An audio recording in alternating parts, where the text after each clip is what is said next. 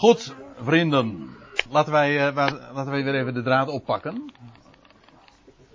We hebben gezien in vers 1 van Johannes 7 het, uh, dat de Heer zich ophield, wandelde in Galilea. Met als motief wordt er alleen in Johannes opgegeven, omdat het in Judea uh, gevaarlijk was, want ze zochten hem daar te doden. En dan staat er nu was het feest van de Joden nabij het Lovutte. Nou, daar hebben we het zojuist over gehad. Wat dat voor een feest is en waar het betrekking op heeft. Zoals al die feesten in de zevende maand hebben betrekking op die terugkeer van Christus in glorie. Met het bazuingezal en alles wat daarbij hoort. Die grote oogst die eh, ter gelegenheid van het Loofhuttenfeest ook wordt eh, gevierd. De grote oogsten.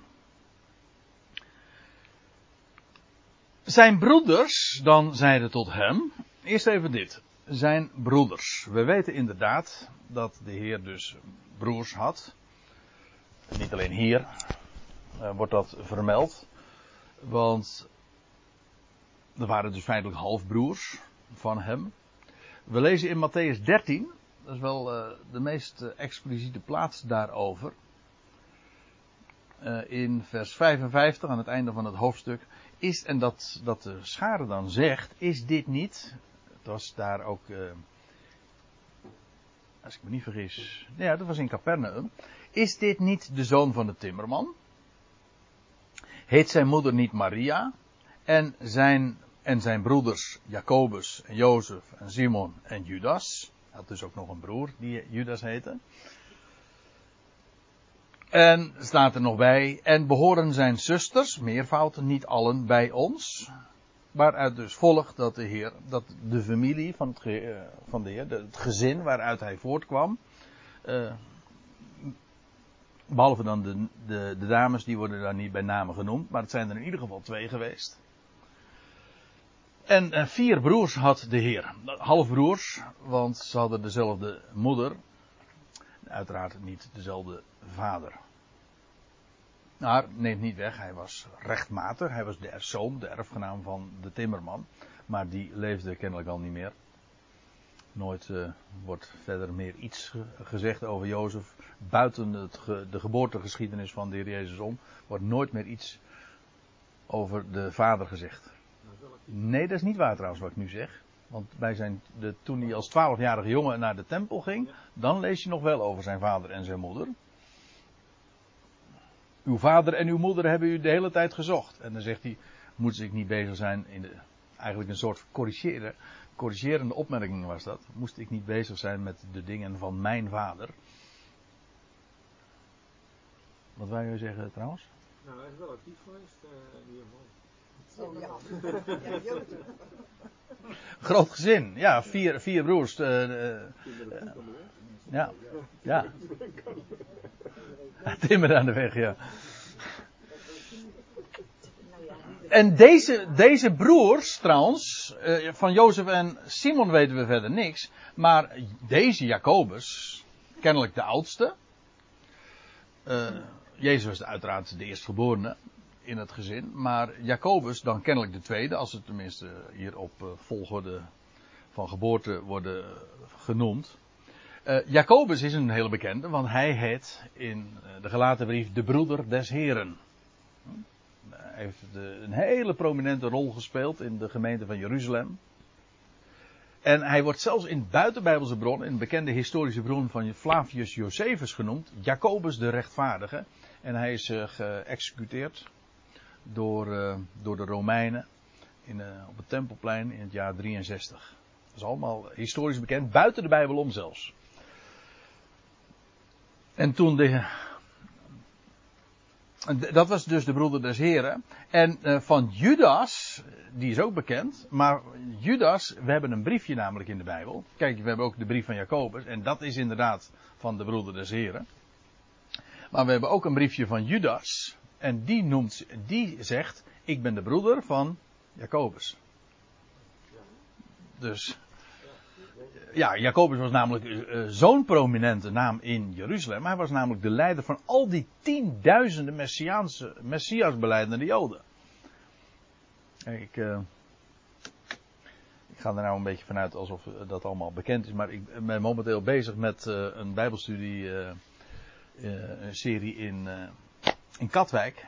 En daar zijn we juist in handelingen 21 aangekomen. Waar, Paulus op bezoek gaat bij Jacobus in Jeruzalem. Heel boeiend gedeelte. En daar hebben we het uitgebreid over die tienduizenden en waar Jacobus allemaal de representant van was.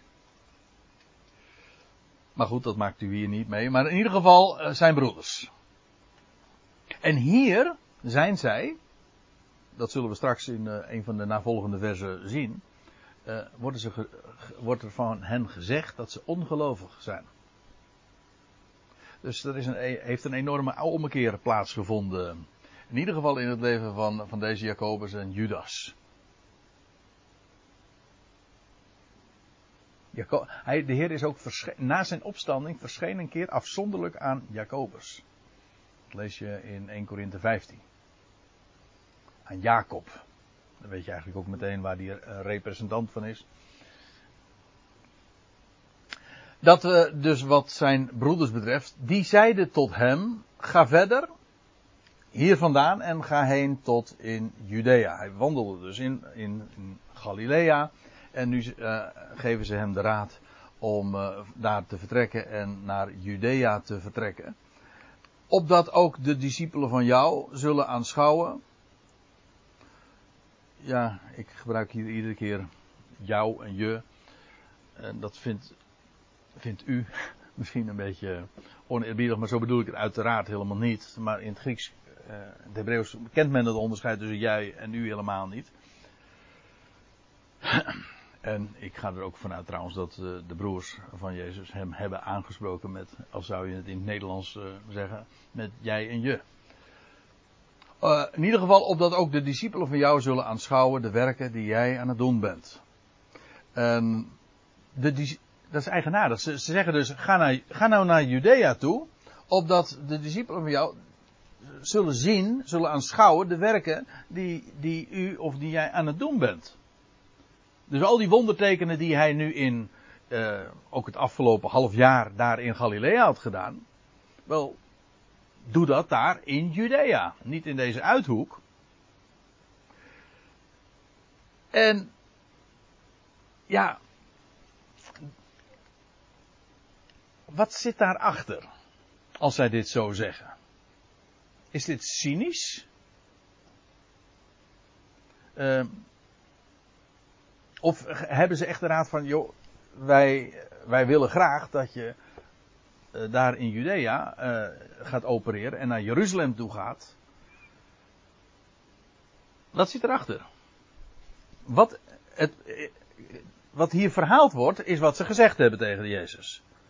Maar was dit spottend, dus met een cynische ondertoon, opdat de discipelen van jou daar zullen aanschouwen de werken die je aan het doen bent?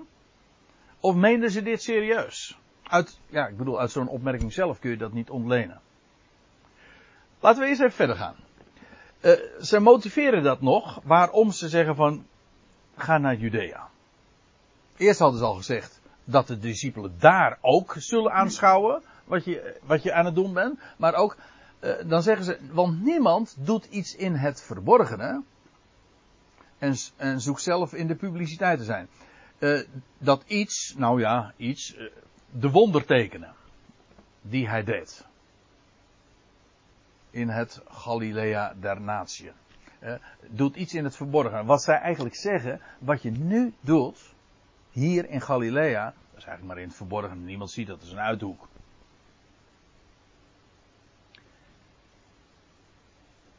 En dat iets, dat slaat dus op die wondertekenen. Maar waarom, waarom, hoe onlogisch is het? Dat is hun redenering. Hoe onlogisch is het als je zulke dingen doet? Dan, dan, dan, zoek je dan zoek je toch in ieder geval de publiciteit. Dan wil je daarin bekend worden. Maar waarom doe je het dan in het verborgene? Niemand die doet toch iets in het verborgene terwijl die, de, terwijl die tegelijkertijd de publiciteit zoekt. Zoekt, dat is in de tegenwoordige tijd. Dus de MBG-vertaling heeft het ook weergegeven. En ik denk dat dat de gedachte is inderdaad. Uh, die, die tracht tegelijkertijd zelf uh, de aandacht te trekken. wie doet dat? Je gaat toch niet iets in het verborgen doen terwijl je wil dat het bekend wordt gemaakt? Daarom zeggen ze, ga naar de Judea. Niet hier in het, eh, hier in, in, in het Galilea, daar, de natie in een uithoek. Dan moet je echt in het centrum zijn. Dus de gedachte die erachter zit, is, en nee, niet alleen de gedachte, maar het is de bewering die ze hier doen, is dat de Heer de publiciteit zoekt. En, en dat hij uh, eigenlijk een, uh, niet effectief bezig zou zijn van waarom doe je dat? Dat is toch onlogisch? Indien je deze dingen doet, maak jezelf openbaar aan de wereld. Ja, en nou, de vraag eh, wierp ik al eerder op. Is dit. Wat is de intentie van dit advies en van deze opmerking? Meenden ze dit echt? Of was dit cynisme? Eén ding is zeker, het was ongeloof. Maar dat lezen we gewoon in het navolgende vers. Straks in vers 5.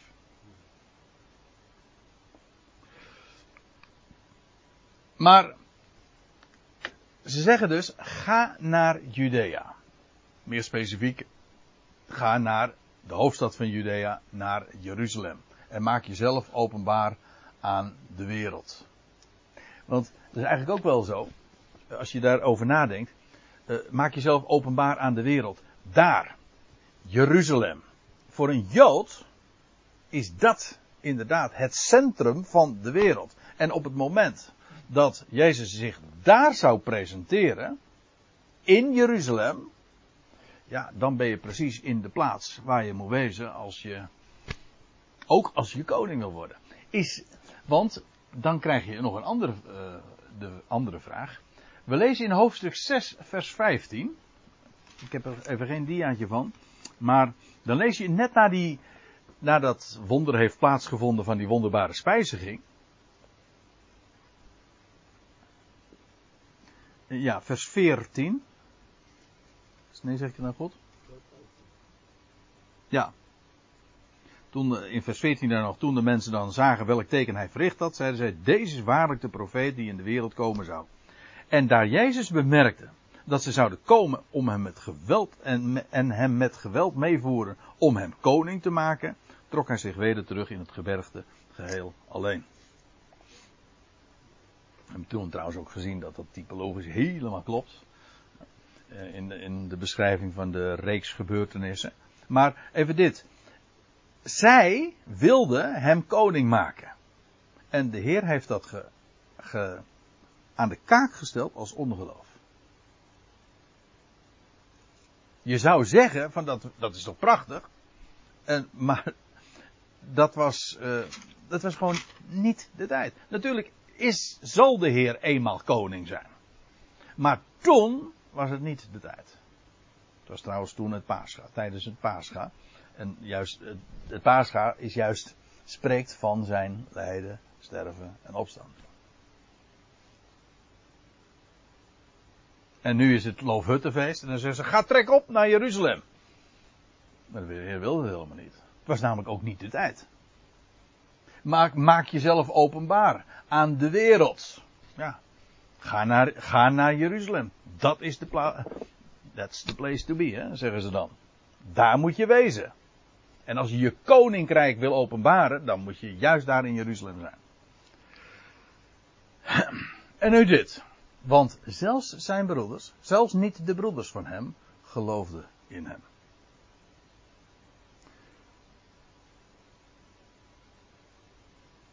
Zou u, als, als je vers 5 niet zou hebben gehad, ge, hebben gezegd dat wat ze tot dusver tegen Jezus hebben gezegd, dat het ongeloof was? Nee. Het is dat vers 5 zegt van zelfs zijn broeders geloofden niet in hem. Geven ze, oh, dit is dus ongeloof.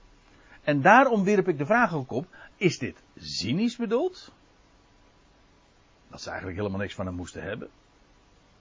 Of dat zij wel uh, zich afficheerden als zijn discipelen, als zijn volgelingen. Maar dat zij, zoals zoveel, erop uit waren op, ja, op succes, hè, op sensatie, macht en aantal. Dat is het. Ja. Ik bedoel, er waren vele volgelingen. En je, we zagen dat al veel eerder trouwens in het Johannes Evangelie. Dat er velen. Er staat er in een hoofdstuk. Laat ik het even voorlezen. Hoofdstuk 2. Vers 23. En terwijl hij te Jeruzalem was op het Pascha. geloofden velen in zijn naam. Er staat erbij. Doordat zij zijn tekenen zagen die hij deed. Maar Jezus zelf vertrouwde zichzelf hun niet toe. Dat wil zeggen, het hele motief waarom zij zich tot hem aangetrokken voelden, was helemaal niet zuiver. Ze, ja, wat, wat ze zagen waren de wondertekenen. Net zoals later bij die gelegenheid van die vijf broden en twee vissen. De sensatie en ook van, oh, dit is hem. En macht. Hij moet koning worden. En daarom was het natuurlijk ook een, in, in eerste instantie zo'n frustratie. Dat al die grote aantallen mensen bij hem weggingen. En, en dat Jezus zich daar ook totaal niet uh, druk over maakte. En dat, dat interesseerde hem dus niet. Ik bedoel niet dat het hem koud liet, maar daar ging het hem helemaal niet om. Maar dat, dat heeft, dat is, uh, daar zit zoveel misverstand achter. De Heer werd niet begrepen daarin. Zelfs de, niet de broeders van hem, zelfs niet de broeders van hem geloofden in hem. Eigenlijk, de menigte geloofde niet. Dat zagen we in hoofdstuk 6. Vele discipelen geloofden niet. Niet. En zelfs niet elk van de twaalf. Het is eigenlijk een opklimmende reeks. Hè? En zelfs zijn broeders niet. Hè? Zelfs de broeders niet van hem geloofden in. Misschien waren ze. Ik hou open. Ik weet het niet. Ik weet het echt niet. Eh, als u mij daar uh, in uh, teksten voor kunt geven waar, waar, het wel dat zou, waar dat wel heel uitdrukkelijk zou blijken. Ik hou me aanbevolen, maar ik weet niet wat het, wat er echt bij die broeders achter gezeten. Waren zij, dus de vraag is, waren zij wel zijn discipelen? Maar begrepen ze hem niet? En wilden ze hem koning maken en wilden ze hem forceren om zich te laten openbaren aan de wereld. Dat het dus echt dat hun idee was. Of waar moesten ze eigenlijk niks van hem hebben en uh, zeggen ze van nou joh, ga daar naar Judea toe en openbaar. Jij wil jezelf toch zo graag openbaren, doe dat dan daar aan de wereld. Zo. Nou ja, zou het niet kunnen. Uh, ze zagen natuurlijk hoe bijzonder het was wat hij allemaal deed. Wat hij hier allemaal deed. En, uh, ze dachten misschien, nou, dat moeten we alle mensen zien, wat hij allemaal doet. Ja, in, in, dat, in dat geval is hun motief dus zuiver geweest. Ja. Of in ieder geval, uh, uh, zij, zij hebben dan uh, sympathie voor hem gehad. En ze rekenden zich tot zijn discipelen. Alleen ze begrepen totaal niet zijn intenties en, en, en het plan wat, wat God met hem aan het voltrekken was. In ieder geval, en laten we gewoon ons maar eventjes houden aan de tekst. Zij geloofden hem niet. En één ding is ook zeker. Zij, zij geven hem het advies om zich te openbaren aan de wereld. En daarom zeggen ze: ga naar Jeruzalem. En laten we, er, laten we er dan voor het gemak even van uitgaan dat, dat ze menen wat ze zeggen. Weet ik niet, maar laten we ervan uitgaan. Maar dit, als je dit denkt, Namelijk dat Jezus zich toen moest openbaren aan de wereld. Ja, dan begrijp je dus niet waar het hem werkelijk om ging. Maar dat is natuurlijk wel logisch vanuit het Joods Ja, want als de, als de Joden denken aan de Messias, dan denken ze eigenlijk, om het eventjes te zeggen in de beeldspraak van waar we het zojuist over hadden, dan denken ze aan de feesten van de, aan de zevende maand. He, dan zal de Heer komen en zijn koninkrijk vestigen.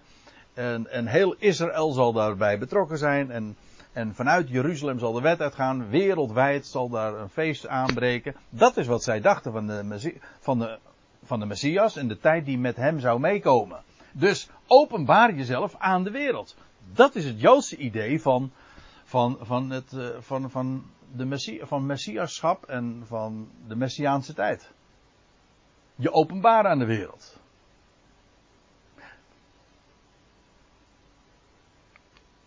Nou, laten we even verder lezen, want eigenlijk komt dit vanzelf uh, nog aan de orde. Jezus zei dan tot hem, en, nou, en ik denk dat dat ook meteen het antwoord is. Het tijdstip van mij is nog niet aanwezig. Of zoals de NBG-vertaling zegt, de tijd van mij is nog niet gekomen. De tijd. Kairos. Grieks heeft verschillende woorden. Chronos, dat is tijd in de kwantitatieve zin. Maar kairos, dat is een specifieke tijd. Een tijdstip. De uitgerekende tijd. De gelegenheid. Dat tijdstip is nog niet begonnen. En feitelijk, en nou koppel ik weer even terug met, met, naar dat wat we voor de pauze bespraken. Over die hoogtijden.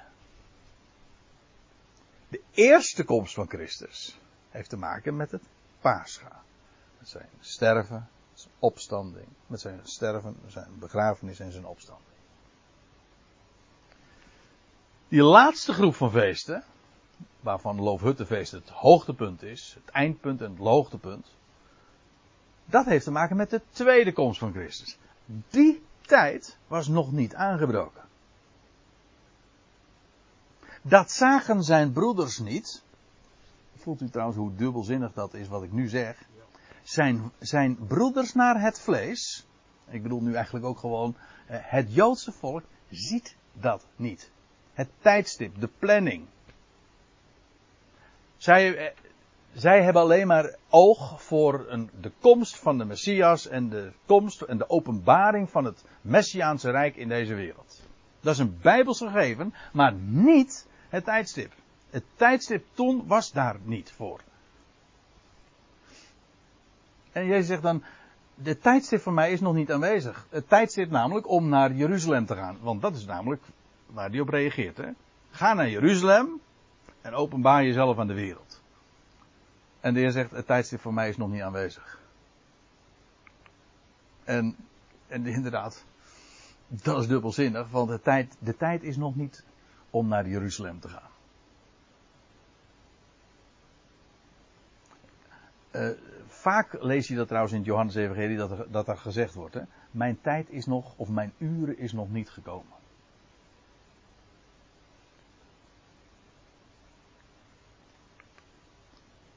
Jullie maar jullie tijdstip is altijd gereed. Jullie tijd is uh, steeds gereed, zegt de MBG-vertaling. Dat wil zeggen, kijk, uh, voor hen maakte dat namelijk geen enkel verschil. Zij hadden geen enkele wet van goddelijke planning. Dus voor hen was het altijd tijd. Altijd tijd. Steeds tijd. Maar, God, de Heer Jezus had zicht en inzicht in Gods planning. En hij wist, als ik naar Jeruzalem ga, dan is dat om te sterven. En nu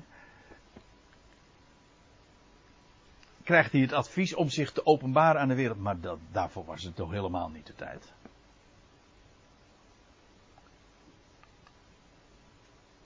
Hij zegt er nog iets bij. Vers 7. De wereld kan jullie niet haten. Ik moet er trouwens bij zeggen. Die wereld, dat is feitelijk een godsdienstig begrip hier. Hè? Per slotverrekening zag geven hen het advies om naar Judea te gaan, naar Jeruzalem, om zich daar aan de wereld te openbaren. Maar juist daar, Jeruzalem, de stad waar de overpriesters waren, waar, waar de leiders van het volk zich bevonden. Dat is de wereld. Maar juist die wereld begreep hem niet. De wereld hier is niet de wereld die helemaal van, van God niet weet of van, uh, van de schrift niets kent. Nee, het is juist de godsdienstige wereld. Die haatte hem. Die heeft de Heer trouwens ook aan het kruis genageld. Nou ja, je kan zeggen van dat hebben de Romeinen toch gedaan. Jawel, maar die deden dat helemaal omdat, omdat het Joodse volk, de overpriesters, hem hebben overgeleverd daartoe. De wereld kan jullie niet haten, omdat ze feitelijk net als de wereld, ook de godsdienstige wereld, in ongeloof verkeerde. Maar mij haat zij. Dat zegt de Heer. Omdat ik van haar getuig dat haar werken boosaardig zijn. Getuigen, dat is echt een juridisch begrip, hè? Dus Dat is het openlijk en plechtig bekendmaken. Zoals je dat voor de rechtbank doet. En wat de Heer deed is inderdaad verklaren, hij stelde aan de kaak. En hij stelde aan de kaak dat wat de wereld deed, ik bedoel hier de godsdienstige wereld, ik herhaal, dat was boosaardig. Men verdraaide de schriften, men kende hem niet. En dat waar ze zich uh, op lieten voorstaan, namelijk op Mozes, uh, die deden zij grof onrecht aan. En het was boosaardig. Dat is een uh, raar begrip, dat weet ik in het Nederlands. Hè? Boosaardig, want wat is het nou? Boos of aardig? Maar. Aardig boos. Aardig boos. Kwaadaardig kan ook nog. Maar aardig heeft niks te maken met aardig, maar heeft te maken met aard. Boze aard. Ja. Goed. Jullie gaan. En nou zegt de Heer tegen hen, dat is een is imperatief, hè? dat wil zeggen ge, gebiedende wijze. Hij zegt: gaan jullie op naar het feest? Ik ga niet op naar dit feest. Uh, dit staat trouwens uh, in de tegenwoordige tijd. Ik ben niet opgaande naar het feest. Zij gingen op naar het feest. En de Heer zegt: Ik ben nu, op dit moment, niet op. Ik ben niet bezig op te gaan naar dit feest. Ik zeg dat er even bij, want de Heer gaat namelijk wel naar Jeruzalem hoor. Maar op, op een later tijdstip. Ik bedoel ook uh, een paar dagen later. Hij zegt: Ik ga niet op naar dit feest. Moet je ook voorstellen dat optrekken naar Jeruzalem, niet alleen het feest zelf, maar ook het optrekken naar Jeruzalem, dat was een, een pelgrimage, was ook een, zeker bij gelegenheid van het uh, Loofhuttenfeest, Sukkot, was een heel feestelijk gebeuren. Je moet uh, denken aan wat je leest in de psalmen. Ik was verheugd toen men mij zei, ik, ik kan het, ik, volgens mij kan ik het zelfs, ik zal het u niet aandoen, berijmd zingen. Ik was verheugd toen men mij zei, laat, hoe ging die ook weer? Dat wij naar Gods huis zouden optrekken. Psalm 122. Ja. Ik ben verheugd wanneer men mij. Ja, er zitten hier een paar uh, mensen met reformatorische wortels. Help mij eens.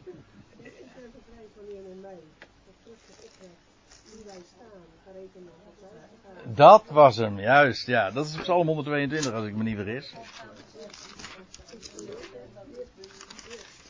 Ja, oh ja, ja. Ja, en dat is, uh, dat, daar staan, o God, stand onze voeten. Hè? Ja, ik zie Psalm 122. Ik was verheugd toen men mij zeide, laten wij naar het huis des Heren gaan. Dat is ook, dat is, dat is pelgrimage. Hè? Opgaan naar het huis des Heren, naar Jeruzalem.